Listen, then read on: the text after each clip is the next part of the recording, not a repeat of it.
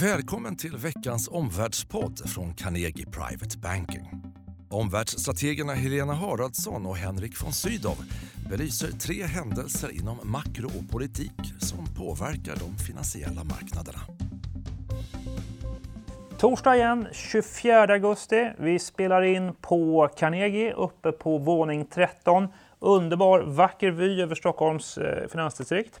Med mig idag som vanligt Helena Haraldsson. Eh, dagens extra gäst Jonny Torssell, teknisk börsanalytiker på eh, Carnegie Private Banking.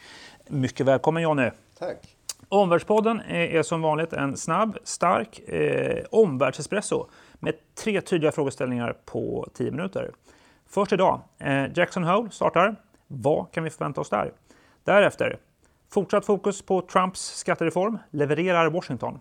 Och till sist, vart tar Stockholmsbörsen vägen under hösten? Jonny Torssell ger sin bedömning. Första frågan, Helena. Idag som sagt start för årliga symposiet i Jackson Hole. Eh, de stora centralbankcheferna samlas där. Eh, vad ska vi hålla koll på för signaler?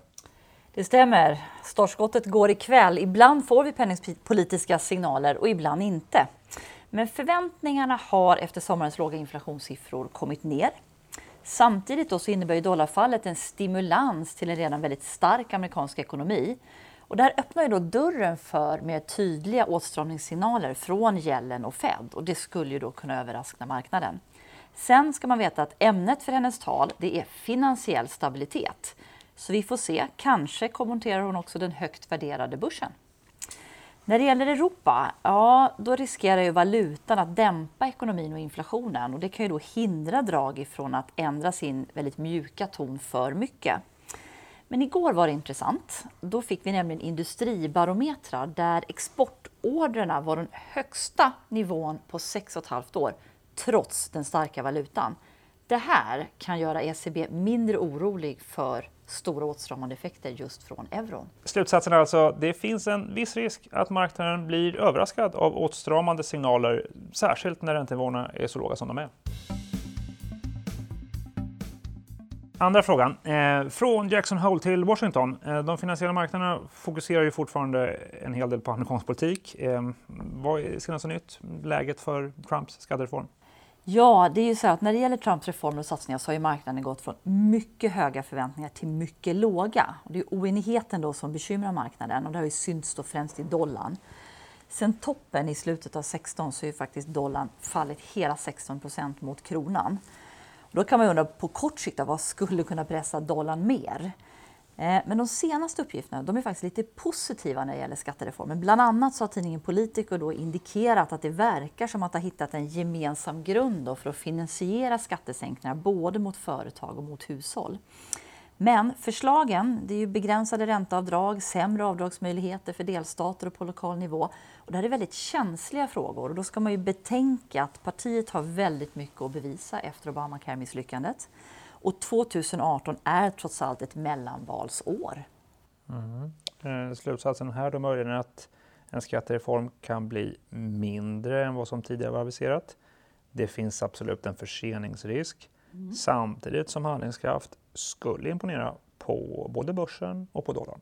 Absolut, helt korrekt. Tack Helena. Eh, då, eh, då, tredje frågeställningen eh, och då särskilt välkommen just till en mycket uppskattad kollega här i huset. Det är vår tekniska börsanalytiker John Torssell. Mycket produktiv författare till det dagliga nyhetsbrevet Short Term från Carnegie Private Banking. Som teknisk börsanalytiker så tittar du ju inte egentligen på fundamentala faktorer som makro eller politik utan du tittar ju på mönster i de faktiska prisrörelserna på börsen. Eh, börsens prissättning, omsättning, eh, trender och cykler på de finansiella marknaderna. Mycket mm. välkommen hit. Tack. Ingen har ju missat att eh, Stockholmsbörsen under sommaren från toppen någon gång i juli tappat nära 8 procent. Eh, om jag äger aktier på Stockholmsbörsen, hur orolig ska jag vara? Jag är inte särskilt orolig. Det här var väl ett egentligen scenario som vi har som vi pratade om redan i våras. Vi räknade med en, en hyfsat stark börs fram till eh, i början på juli. Eh, och sen har vi räknat med en lite svagare börsutveckling fram till eh, slutet på september någonstans. Så att egentligen så ligger det här ganska väl i, i korten. Vad väntar framåt? Eh, jag tror att efter den här rekylen som vi har haft, eller som vi befinner oss i just nu, eh, den kan fortsätta ytterligare ett par veckor. Snarare att den borde göra det. Det kommer inte bara gå ner naturligtvis, men upp och ner, hålla på och joja fram och tillbaka. Lite grann som rekyler brukar vara. Och sen eh, efter höstrekylen så kommer vi gå upp och göra nya all time high-nivåer tror jag. Mot nya all time high-nivåer, mot nya toppar alltså? Mm. Du, eh, lovande prognos får man väl säga då, intressant. Vad, vad, tycker du att jag som aktieägare, om man som aktieägare ska vara extra vaksam på? Vad tittar du eh, som analytiker extra på under hösten här då? Ja, jag kollar på pluralitet bland annat, det vill säga hur eh, beter sig börsen? Jag tittar inte bara på Stockholmsbörsen som har varit egentligen en av de svagaste börserna. Eh, utan jag tittar på börserna runt omkring oss också, USA-börsen, hur ser den ut, hur ser tyska börsen ut och så vidare. Hur ser de långa trenderna ut? Jag tittar på sentimentet och en viktig sak för att bedöma sentimentet det är hur marknaden reagerar på nyheter. Går vi inte upp i samband med positiva nyheter då ska vi eh, sannolikt ner en bit till. Då kommer rekylen fortsätta. Går vi inte ner i samband med negativa nyheter då börjar vi närma oss en botten. Då ska vi börja röra oss uppåt. Så det är ett sätt att börja titta på det här med, eller hur man tittar på sentimentet. Mm. Du talar ju ofta om att titta på vad du kallar för de stora elefanterna, eh, de stora institutionella investerarna. Mm. Hur agerar de nu? Mm. Eh, tittar man på den stora listan så har man sett kanske en viss eh, utförsäljning på vissa stora papper. Men överlag så är det ingen... Eh, eh, de agerar inte särskilt stort på säljsidan, det gör de inte. Och det är samma sak på de stora börserna runt om i världen. Det är inte ett stort säljflöde. Så, så jag är inte särskilt oroad. Jag tycker att det fortfarande är riskaptit på, det vill säga man, man har aptit fortfarande för aktier. Mm. Och det är viktigt. Eh, under sommaren så har vi också sett eh, kraftiga rörelser i dollarn, inte minst i, i dollarn eh, mätt mot kronan. Eh, vad är din bedömning? Har vi sett slutet på dollartappet mot kronan? Kortsiktigt. Eh, vi borde få en liten rekyl upp. Eh, men efter den rekylen upp, som kan pågå kanske i ett par veckor, upp till någon månad eller något sånt, så ska vi vidare ner igen tror jag. Jag har prisobjektiv ner mot en 7,89 men säg 7,90 området där någonstans. Vilken betydelse har detta för Stockholmsbörsen? Ja, det påverkar ju verkstadsaktierna. Verkstadsaktierna har varit en, en av de svagaste sektorerna. Mm. Eh, så ska vi dit ner så, så kan det bli lite tufft naturligtvis för verkstadsaktierna. Men efter den botten sen, mm. då blir det spännande att hålla ögonen. För att då ska dollarn upp och då kommer verkstadsaktierna hänga på. När vi, eh, gör slut på den här höstrekylen då. Just det.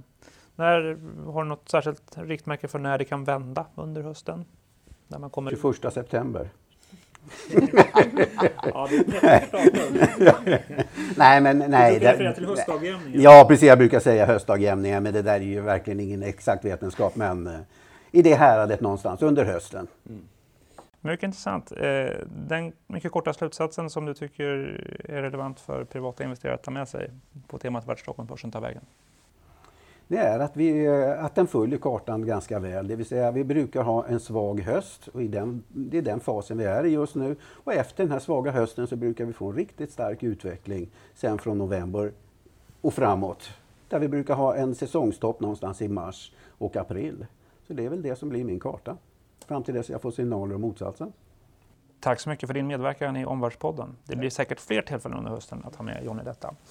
Tre tydliga slutsatser från dagen. Det första är se upp för nya signaler från eh, Jackson Hole vad gäller penningpolitiken på de stora centralbankerna. Det andra, eh, det är klart att börsen skulle imponeras av eh, en skattereform i USA men det återstår förstås många hinder. Och det tredje, Jan Thurssells bedömning kring vart Stockholmsbörsen tar vägen efter rekylen. Vi ska upp mot nya toppar. Vi tycker du ska följa Carnegie på Twitter och LinkedIn. Du är välkommen att göra det. Eh, gör det så är du inbjuden till vårt forum, vår after work den 7 eh, september. Carnegie efter börsen med sensamtal med bland andra Sara Örvall och Kina, Kinakännaren Fredrik Cho. Säkerställ också att du inte missar vårt, eh, våra avsnitt av Omvärldspodden. Prenumerera på podden på iTunes, Podcaster och Acast. Vi hörs snart. Trevligt veckoslut. Adjö. Hej då! Tack för att du har lyssnat på Omvärldspodden från Carnegie Private Banking. Vill du veta mer om vad som händer i vår omvärld och få aktuella idéer till affärer? Gå då in på www.carnegie.se veckans viktigaste och prenumerera på vårt nyhetsbrev.